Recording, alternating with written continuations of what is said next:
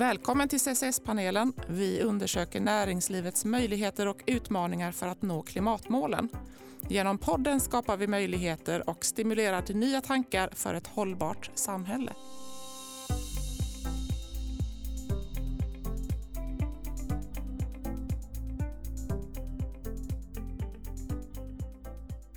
Jag heter Sara Davidsson och med mig i samtalet idag har jag Anders Karlström och Anton Bergholz. Välkomna! Mm, tack så mycket. Tack. Presentera varandra för lyssnarna. Anton, börja med Anders. Anders är ju min kontaktperson på Chalmers tekniska högskola som jag har drivit det här projektet tillsammans med. Där eh, han är professor eh, på styr och övervakning. System. System heter det. Mm. Ja. Eh, han bor i Göteborg, ganska nära mig. Så det är betryggande. Han är glad, positiv och har väldigt mycket att göra. Som du då. Som jag, Ja. så vi passar bra ihop. Anders, vem är Anton? Ja, Anton är en eh, kontaktperson på Midrock och eh, Anton och jag har känt varandra länge. Så fort jag har ett problem ringer jag till Anton. Underbart att ha en sån person nära sig. Dessutom eh, nästan grannar. Hörni, idag ska vi prata om någonting som när jag hörde talas om det här så fick jag en sån wow-känsla för att ni jobbar med en produkt som verkligen kan göra positiv skillnad. Det är innovation, det är samarbete för ett resultat mellan industri och forskning. Och eh, resultatet kan ju ge både högre kvalitet och optimerad energiförbrukning. Men det är ju också hållbarhet därigenom eftersom energieffektiviseringar ju kan leda till lägre klimatpåverkan. Anders, vad handlar det här samarbetet om? Ja, ursprungligen var tanken att vi skulle kunna föra forskningen lite närmare verkligheten genom att jobba ute i verkligheten. Och då var frågan hur ska vi omforma våra algoritmer till nytta? Och eh, genom att eh, samarbeta med industrin, speciellt underleverantörer till processindustrin, så kan vi göra det här. Vi kan testa olika nya algoritmer och initiativ. Vill du fylla på Anton? Ja, men precis. Och ett av de här projekten då har ju varit projekt Status där vi jobbar med ett eh, pappersbruk som ligger i Karlstad, utanför Karlstad, Skog- Skoghall. Där man maler träflis till kartong. Man gör helt enkelt kartong som vi använder idag. Och där har våran produkt applicerats. Mm. Och eh, vi gör, det vi gör om man säger det är att vi tar in väldigt mycket data från den processen. Där vi, till exempel temperaturgivare, vi mäter alltså temperaturen på processen, fuktsensorer men även styrregulatorer. Och ehm, om ni skulle beskriva den här produkten, alltså varför är den viktig? Hur kan den förändra skogsindustrin eller eh, produktionen i eh, processanläggningar? Jag kan väl ta en ansats här och säga så här att all typ av jämn produktion skapar möjligheter att optimera olika processer. Och det är precis vad den här, eh, de här algoritmerna gör. Och vi har ju testat det. Ursprungsidén kom egentligen från oljeindustrin. Vi testade på primraffinaderiet i Lysekil. Men eh, för på 80-talet jobbade jag väldigt mycket med den här typen av eh, informationsinsamling när jag var med och utvecklade processdatorsystem för Honeywell. Och det fina med det här är ju att man behöver inte bygga nytt utan ni hittar förbättringsförslag i befintliga processer och befintliga anläggningar. Stämmer det Anton? Ja men precis. Alltså, man kan ju med hjälp av dagens teknik analysera med hjälp av metadata typ sådana här processer som Anders precis beskrev, beskrev då. Och med hjälp av algoritmer som, som vi har skapat i vårt verktyg så kan vi se vilka förbättringar som vi kan göra genom att bara applicera en bättre styrning av den här processen. Så det är egentligen inte något materiellt ändring vi behöver göra utan vi behöver helt enkelt styra med hjälp av mjukvara för att nå en högre kvalitet på produkten samt enorm energieffektivisering. Ja, vi ska djupdyka i den här, just den här energieffektiviseringsdelen för den intresserar mig särskilt. Men eh, jag tänker om man tar det här långt, för nu är ni ju i ganska inledande faser i det här arbetet, även om det har pågått länge och Anders, du har forskat länge på det här, men vi, eh, det ni beskriver är ju i testfas, men det finns ju en enorm potential här som jag vill att vi går in på som också kan ju innebära en fantastisk exportmöjlighet för, för svensk industri genom att bli, få ännu bättre kvalitet till ännu lägre energikostnader. Den här produkten, det ni jobbar med, har ju, ni har ju samarbetat kring det här i många, många år. Um, Anders, vad är Chalmers del? Och sen om du tar vid Anton och beskriver Mitrox del. Ja, Chalmers del det är ju att eh, säkerställa att de fysikaliska modeller och empiriska modeller verkligen stämmer med verkligheten. Så en validering av hela konceptet är ju extremt viktigt för oss och det är det vi har jobbat med under lång tid. Sen när man för ut det till industrin så kommer nästa valideringsfas och då ska ju grejerna fungera ute i processen. Och då kommer eh, industrikunnandet in på ett helt annat sätt. Ja, och då är ju Midrox del, hur integrerar vi de här algoritmerna i faktiskt en anläggning som är fysiskt ute på plats? Och då ansvarar vi för denna del av projektet. Och då är det ju att bygga ett gränssnitt mot anläggningen som vi kan ha ett signalutbyte med och som klarar av väldigt hög samplingstid och väldigt mycket data. Och det, det ni gör, Anton, som automatiseringsexperter, mm. Eh, det är väl om vi översätter det till lyssnarna, det är ju att ni paketerar de teoretiska matematiska modeller som Chalmers tar fram. De liksom paketerar ni så att de blir användbara ute i industrin. Är det en rättvis beskrivning? Ja, men precis. Eh, dels att vi paketerar det som du säger, men även att vi anpassar den mot ett gränssnitt som funkar mot just den anläggningen. För det, alla anläggningar är olika i sin spets. Sen att det bygger mycket på samma saker, ja det gör det, men det måste alltid anpassas mot slutkund. Och nu när detta sänds så är vi ju precis i skarven mellan 2021 och 2022. Och då ska jag också säga att för vi säger ju Midrock hela tiden, men Midrock byter ju namn till Granitor. Och Anton, det bolag där du jobbar, Midrock Automation, byter ju namn till Granitor Systems. Det stämmer. Ja. Så det blir kanonkul att byta namn. Mm. Det blir bra. Exakt. Hörrni, nuläget. Liksom, vad har du, Anders, du har nämnt att ja, men du har forskat på det här. Själva idén har funnits med dig i, i decennier egentligen. Anton, du nämnde att ja, vi började samarbeta 2016 och nu är vi 2021, 2022, eh, precis där när vi sände detta. Och vad, eh, vad är status nu? Vad, är, vad händer i projektet? Jag kan ju svara på det att eh, vi står nu inför implementering. Och det innebär ju då att nu måste vi få ut eh, eh, utrustningen till operatörerna. Hör ni det alla där ute i industrin? och det är klart att operatörerna är ju otroligt viktiga i det här eh, fallet. Det är också ett paradigmskifte skulle jag vilja säga. Och anledningen är att tidigare så var det automationsingenjörer som eh, hade den här typen av eh, stöd. Nu flyttar vi ut det till operatörerna, till de som äger processen. Och det blir väldigt spännande att se hur den processen kommer se ut. Ja, för jag tänker att när jag när jag inledde det här så pratade jag ju om eh, kvalitetsförbättringar. Vi har varit inne på energieffektiviseringar och energibesparingar som då kan leda till positiva klimatåtgärder. Men det finns ju också en social dimension här i eh, att uppleva sitt arbete som meningsfullt och kunna påverka mer. Och jag tänker att den här, det här systemet som ni levererar kan ju göra att jag kan påverka, som operatör skulle jag kunna påverka min arbetssituation mer, alltså för att jag kan förstå och styra produktionen i större utsträckning?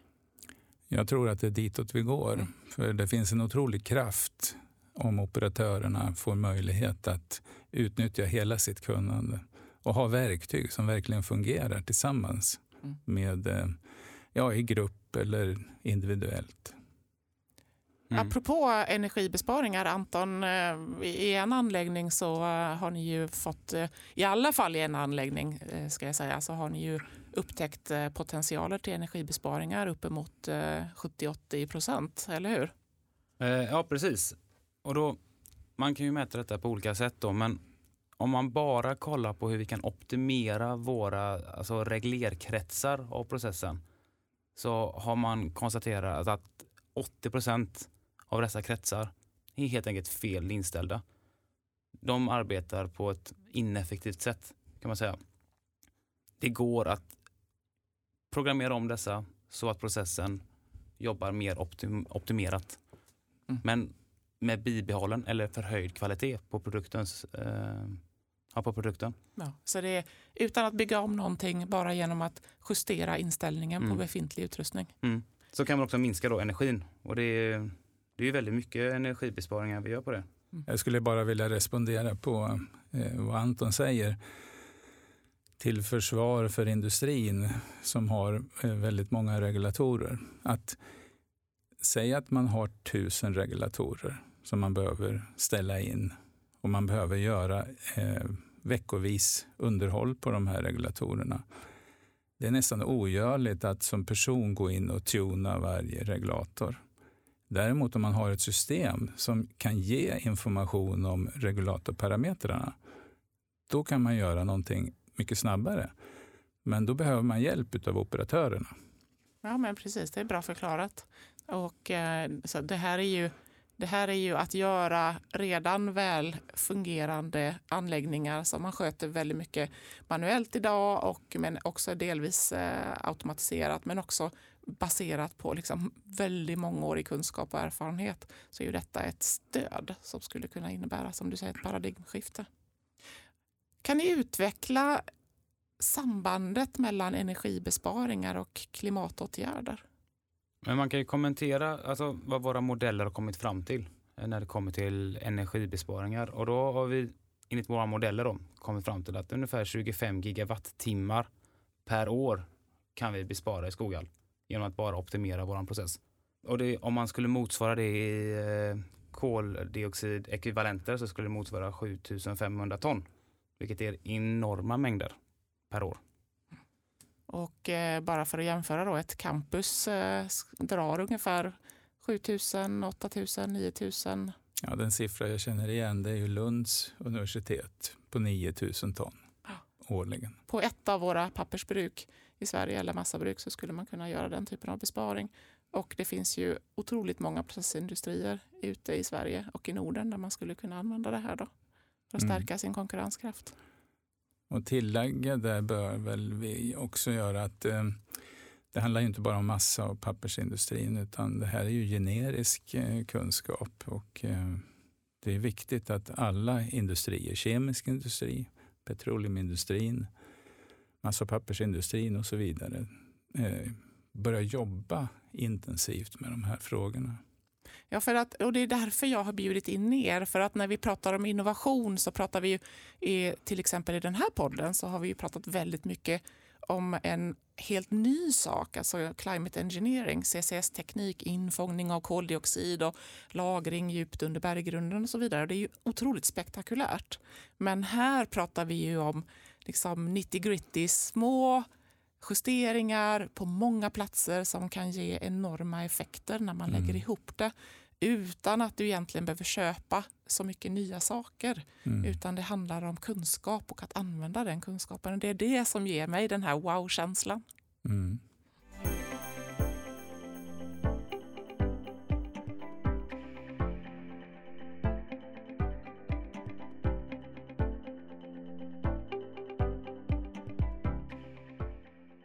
Ni har nämnt eh, en anläggning där ni har testat eh, det här utanför eh, Skoghall. Då.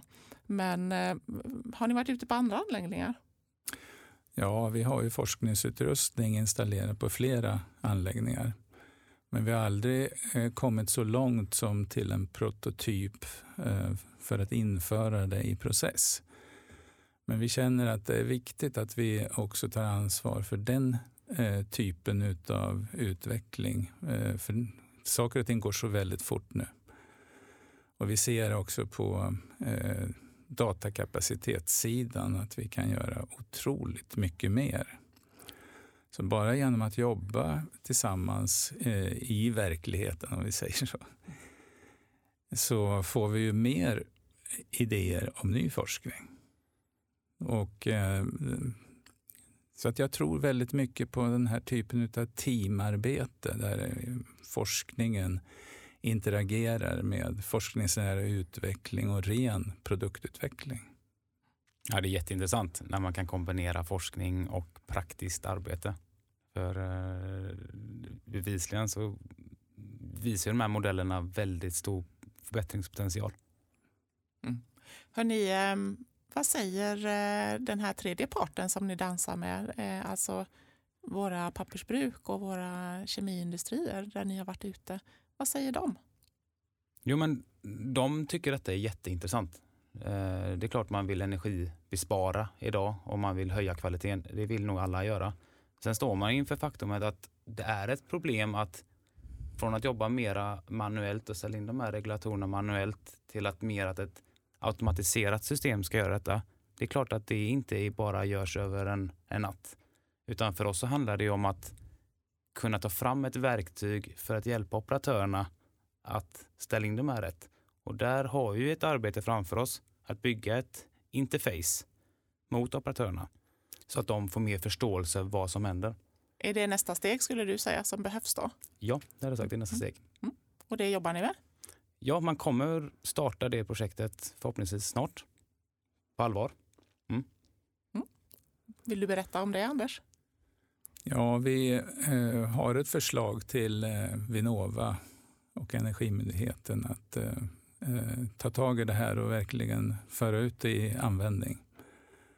Och eh, en viktig faktor där det är ju operatörerna och jag tror att det här är en cirkulär utvecklingsprocess, det vill säga operatörerna kommer spela in väldigt mycket kunnande i, eh, som vi kan ta tag i och eh, använda och sen justera och sen jobbar man utgående från ett cirkulärt tänk. För det är ju så att vi, vi, vi, vi är ganska handikappade inom forskningen i och med att vi tror att saker och ting är på ett visst sätt. Men när vi väl sen interagerar med verkligheten så ser vi att vi behöver modifiera vårt sätt att tänka.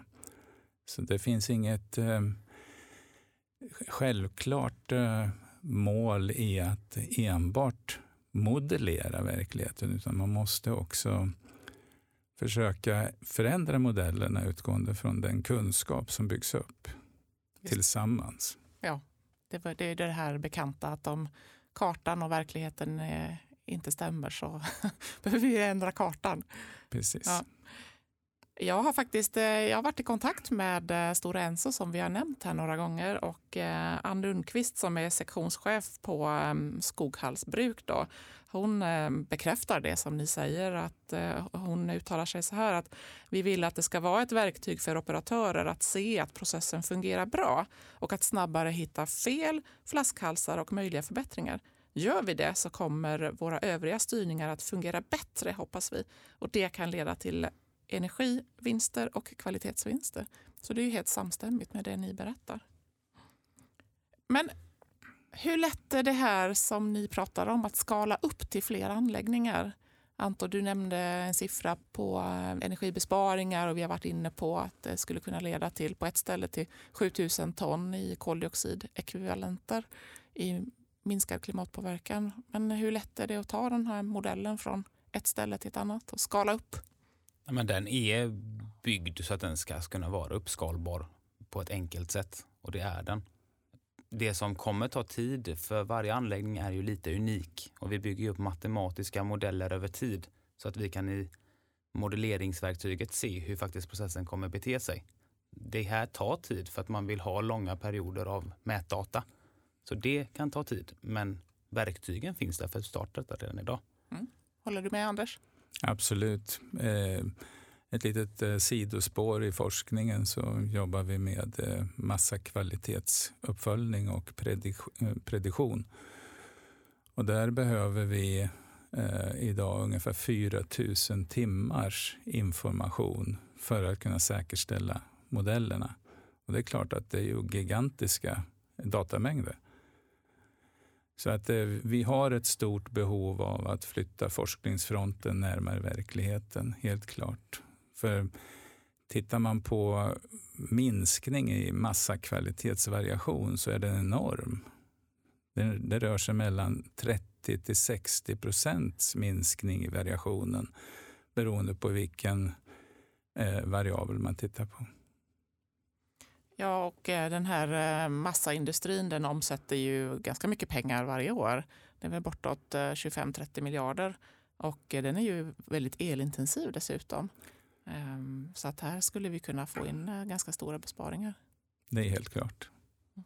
Vad är svårast att få till då? Vi har varit inne på det här med att vi samlar in stora mängder data. Det finns ändå en variation mellan olika anläggningar och det behöver anpassas. Jag ser framför mig att om man ska skala upp så behöver man kanske ge vika lite på exakt hur mycket man kan eh, hitta optimeringar på en enskild anläggning till förmån för att man ska kunna tillämpa modellen på fler ställen. Är jag rätt ute i de antagandena och vad är svårast att få till i så fall? Det handlar om vardagen ute på eh, fabrikerna. Det är klart att om det är så att man har för tillfället ett bristande underhåll så kan det ju vara svårt att eh, stänga en stor maskin till förmån för att köra en annan eftersom det eventuellt kan vara uppstartsproblem. Då har man ju hängslen och livrem för att eh, köra eh, anläggningen säkert. Och Den typen av underhållsfrågor skulle man också behöva adressera i forskningen. Hur man effektiviserar sin anläggning. Om vi tar ett exempel med petroleumindustrin som jag också har jobbat i på 80-talet så eh, pumpar man ju inte runt vatten som man gör i massa och pappersindustrin. Utan det är helt andra kemikalier som är explosiva. Och där har man ett helt annat säkerhetstänk vilket gör att underhållskostnaderna är prioriterade. Så där finns en del att lära tror jag. Från raffinaderivärlden till massavärlden? Ja, absolut. Och där finns en överhörning som vi kanske inte har varit så bra på att förmedla. Ja, och eh, jag tog del av ehm, eh, siffror just på underhållskostnader och eh, brister i underhåll. Där vi har inte kommit så där värst mycket längre från 90-talet och fram till idag. Utan det är, vi står och stampar på ungefär samma kvalitetsindex. Och nu, det, det gäller ju industrin i stort. Så att det, det är lite mindshift kanske som också... Att det, du är inne på något väldigt intressant där Anders med lärande mellan olika industrier. Mm. Mm. Men det kan också vara så, tänker jag Anton, att det är betydelsefullt var i processen man mäter. Alltså ju närmare Eh, hjärtat av processen man kan komma desto mer betydelsefull blir datan för att kunna se mönster och undvika brus och sånt. vi, eh, spelar det någon roll? Ja, alla mätvärden sitter, eller alla sensorer sitter ju på ett ställe som vi har liksom definierat att här vill vi mäta. Så det kan ju vara i slutskedet av processen eller början av processen om det var den frågan du menar. Men tillbaka till din fråga förut, jag tänkte så här, problemet med att få in de här systemen till anläggningen. Jag tror att det är så känsliga processlinor idag och det är liksom, de får inte stå stilla de här idag.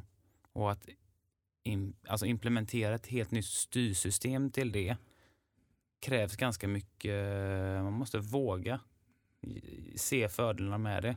Från att gå från mer traditionell styrning till mer automatiserad eh, nytänk. Det, det krävs en del eh, att våga. Mm. Du var inne på det Anton, eller jag tyckte du snuddade vid det också. att Kan det finnas en skepsis mot eh, automatisering och att man, eh, ja, vi vet, vi vet hur vi brukar göra, vi är trygga med det. Eh, om jag jämför mina egna beteenden så är det ju jättesvårt att ändra beteenden för jag, ja, men, jag är van vid hur jag gör saker och ting idag. Ja, det tror jag. Jag brukar jämföra med eh, när nu vi går över till mer automatiserade bilar så kommer man ställas inför de här problemen när om man kör, låt säga att man kör på en helautomatiserad bil och plötsligt så bara den börjar accelerera, den svänger hej vilt. Då kommer man känna sig rätt otrygg förmodligen eh, som ny bilsägare i en automatiserad bil. Men om man får feedback från bilen som säger att nu kommer jag accelerera, nu kommer jag svänga vänster, signalerar operatören som är föraren om att detta kommer hända, så kommer man få mer förtroende för processen. Och det gäller nog samma sak för industrin. Eh, vi måste hitta ett verktyg som vi kan ge operatörerna möjlighet att förstå och hjälpa dem. Det här vill det automatiserade systemet göra med processen nu för att det kommer förbättra det här. Vill du göra det? Och så får operatören ta ett beslut. Mm, ja, då blir det ju otroligt viktigt med den eh, feedbacken som du var inne på Anders förut. Just att nu måste, nu vill vi komma ut i industrin och testa det här mera skarpt för att få den här feedbacken. Ja, men hur, hur tänker jag som operatör? Vad funkar? Vad vill jag se? Vad är bara brus och störande för mig? Eh, och bygga upp det från det. Då. Väldigt intressant skede ni är inne i nu, tycker jag. Mm. Ja, det kommer ju mycket på marknaden. Inom verkstadsindustrin så pratar man väldigt mycket om digitala tvillingar. I processindustrin så kommer det också. Och idag så har vi en digital tvilling eh, som vi testar. Och, eh, men vi återkopplar den inte till operatörerna. Utan det är mer, så här borde man ha kört. Vad får det för konsekvenser? Men fördelen med det sättet att eh, studera eh, Eh, processen, det innebär ju att helt plötsligt kan man räkna på den. Hur mycket skulle man kunna spara? Hur, skulle det, hur skulle det rent eh, monetärt innebära om man gjorde på det här sättet?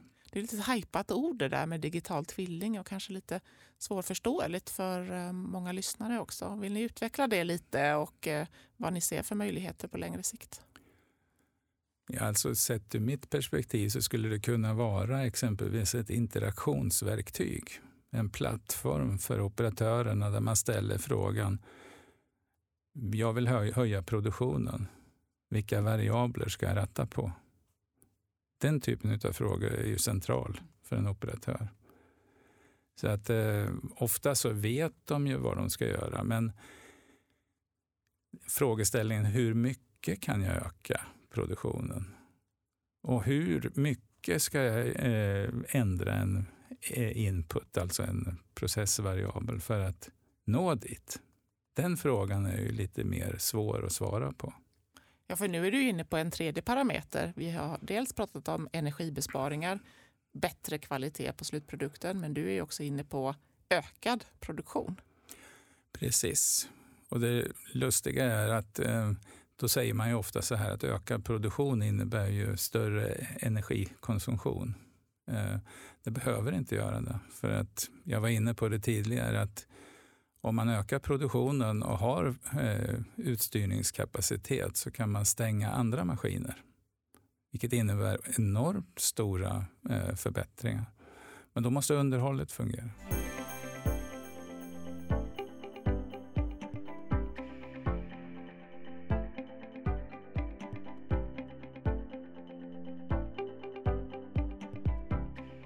Tack vare att skapa en digital tvilling av en verklig process så skapar man ett verktyg som är extremt kraftfullt när man vill göra förändringar och optimeringar.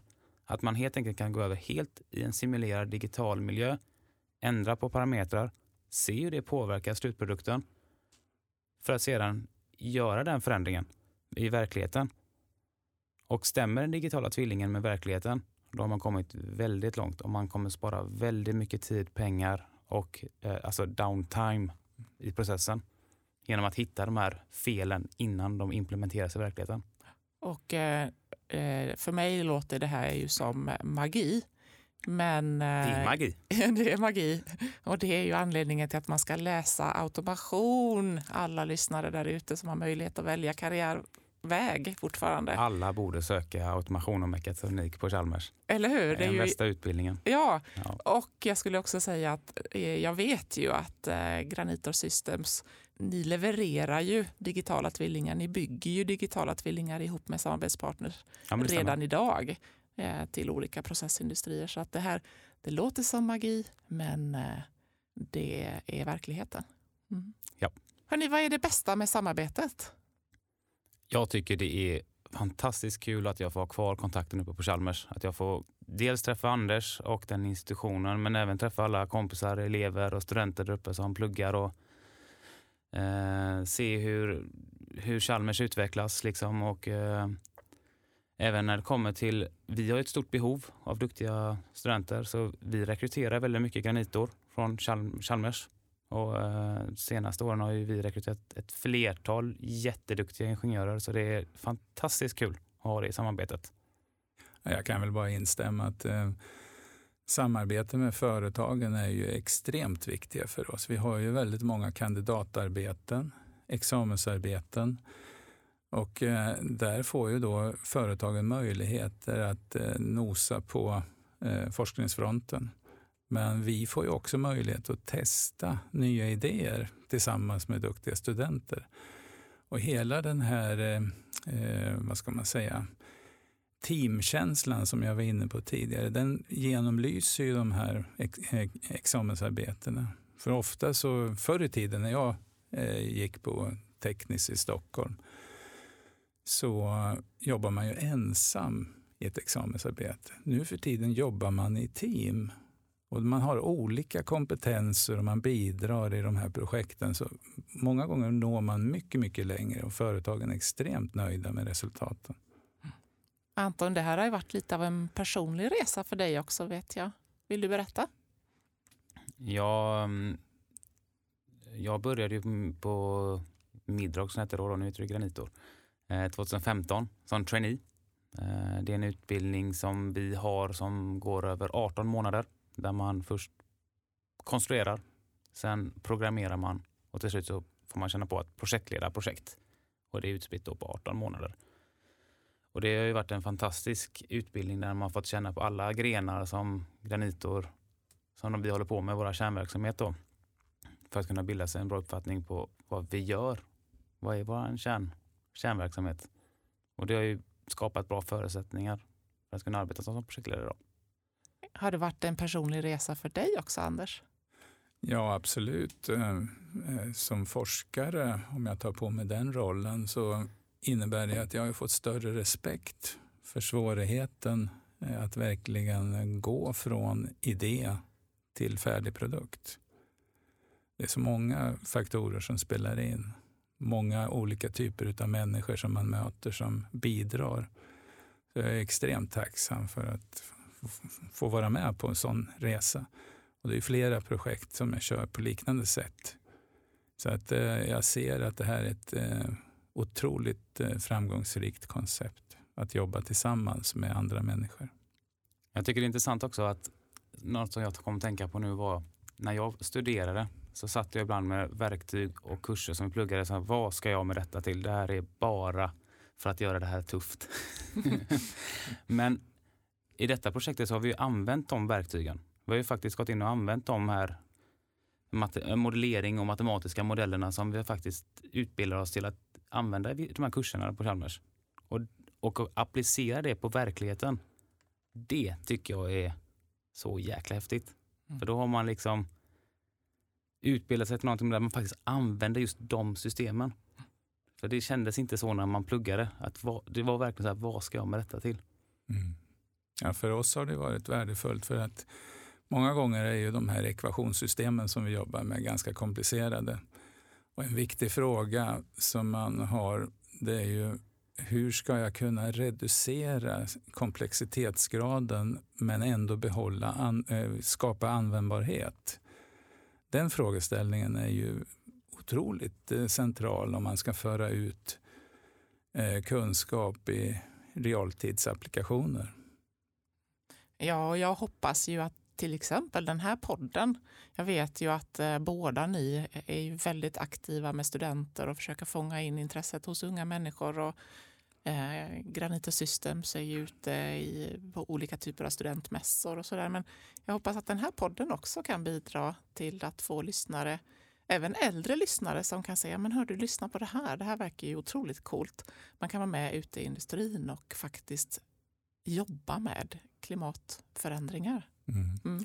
Får jag bara lägga till där att vi, vi på Chalmers har ju ett eh, stort projekt för att jobba med eh, rekrytering av fler unga kvinnor till teknikyrkena. Och här har vi också ett eh, typiskt exempel att om man om man eh, hittar formerna för hur vi jobbar i grupp så det blir mycket roligare både för män och kvinnor att hitta nya samarbetsformer tillsammans mellan industrin och akademin. Mm. Och där har jag ju, du och jag, Anders har ju pratat om det innan när vi, när vi har träffats. Att, eh, jag hjälper ju gärna till också där och se och förklara och personifiera. Jag är ju inte automatiseringsingenjör men jag är civilingenjör och eh, just eh, kan bidra till att berätta om men vad ska vi ha det här till? För det är mm. många gånger där eh, man snubblar och tyvärr då så eh, måste vi gå igenom många tunga teoretiska ämnen som är ganska abstrakta. Just matematiken är ju liksom grundläggande när första och andra året på utbildningarna och då, då är ju avståndet långt känns det som till vad ska jag ha det här till? Ja men precis. Mm. Men om man gör som eh, Anton var ju inne på det att vi måste, från akademin måste bli bättre på att tala om vad man kan använda det till. Och kan vi argumentera för det, då kommer vi också få en bättre mix mellan män och kvinnor som söker till våra tekniska fakulteter. Helt klart. Så alla process och skogsindustrier där ute nu, ni har ju en viktig uppgift att hjälpa till och få det här till någonting som är en verklighet. Och eh, operatörer har ju barn också och alla ingenjörerna ute, analyt analytikerna ute i processindustrierna har ju barn och, och, och, försöka få ut det här och bidra till att berätta om eh, den här wow-känslan som man kan få genom att jobba med matematiska modeller. Det kunde man inte tro hörni, när vi började prata om detta. Jag var på ett föredrag eh, förra veckan på Chalmers och eh, då ställdes frågan, kommer vi att nå klimatmålen i tid? Och eh, 50 procent eh, svarade ja och 50 procent svarade nej. Vill ni dela? Vad tror ni? Jag tror att man måste ställa om det normala livet och bara jobba verkligen progressivt mot att ändra sina normer, hur man ska leva. För som vi lever idag så, kommer, så är det svårt att uppnå de målen. Det, det måste göras stora skillnader.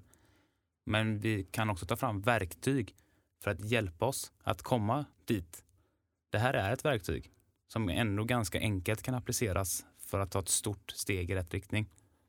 Anders? Ja, jag är väl inne på eh, Antons antagande också att eh, vi har ju väldigt stora utmaningar. Och det är klart att eh, vi måste tillsammans hjälpas åt att nå de här målen i en eller annan form. Problematiken är att man förenklar verkligheten. Bara en sån sak som att så fort man köper en eldriven bil så har man gjort sitt i konceptet. Men vi ska ju veta om att eh, koldioxid, eh, fingeravtrycket om vi kallar det så, eh, när det gäller elbilar är en tredjedel av en bensin eller dieseldriven bil. Så det är ju inte noll. Så det är viktigt att komma ihåg att räknar man in produktion och eh, skrotning och så vidare så blir det en tredjedel av vad en bensindriven bil åstadkommer. Men däremot kan vi ju faktiskt börja tänka på hur vi planerar resor, hur vi planerar att styra en process. I framtiden, eh, framtiden är ju redan hos oss, exempelvis i England, där processindustrin måste köra på vissa tider. Men det är ju drivet av elkostnaderna. Mm. Där knöt du ihop det väldigt bra, Anders, med eh, kombinationen av teknik och tekniska lösningar som direktelektrifiering ju är. Eh, elbilen är ett exempel på direktelektrifiering, men också att vi faktiskt behöver ändra våra beteenden för att få ner eh, våra personliga klimatavtryck. Och också hur viktigt det är att ändra beteenden och använda den kunskapen från den här eh, industrinära forskningen som ju ni två har berättat om idag eh, och få in den ute i våra industrier för att det blir många bäckar små eh, blir ju eh, väldigt stora besparingar ute i våra energianläggningar. Är det någonting mer ni vill skicka med innan vi rundar av? Ja, det var väldigt kul att vara här idag. Det var kul att få prata med er. Mm, jag håller med. Det här är en ny situation. Att stå och prata så här, det, är, det känns kul. Mm. Vad bra att det är meningsfullt. Tack för att eh, ni, eh, Anders eh, Karlström och Anton Bergholtz, för att ni har gästat mig i podden idag. som heter CCS-panelen och för att ni har berättat om ert samarbete och den enorma potential som finns i produkten som ni utvecklar tillsammans med era industripartners. Tack! Ja, tack själv. Tack. Tack också till dig som har lyssnat och eh, ge mig gärna feedback. Kontakta mig på LinkedIn. Ge podden fem stjärnor av fem möjliga så att vi når fler lyssnare. Ju fler fina stjärnor som blinkar där ute i etern, desto fler nås av den här viktiga informationen. Som sagt, kontakta mig på LinkedIn om du vill eller via mail info.ccs.granitor.se. Tack för idag!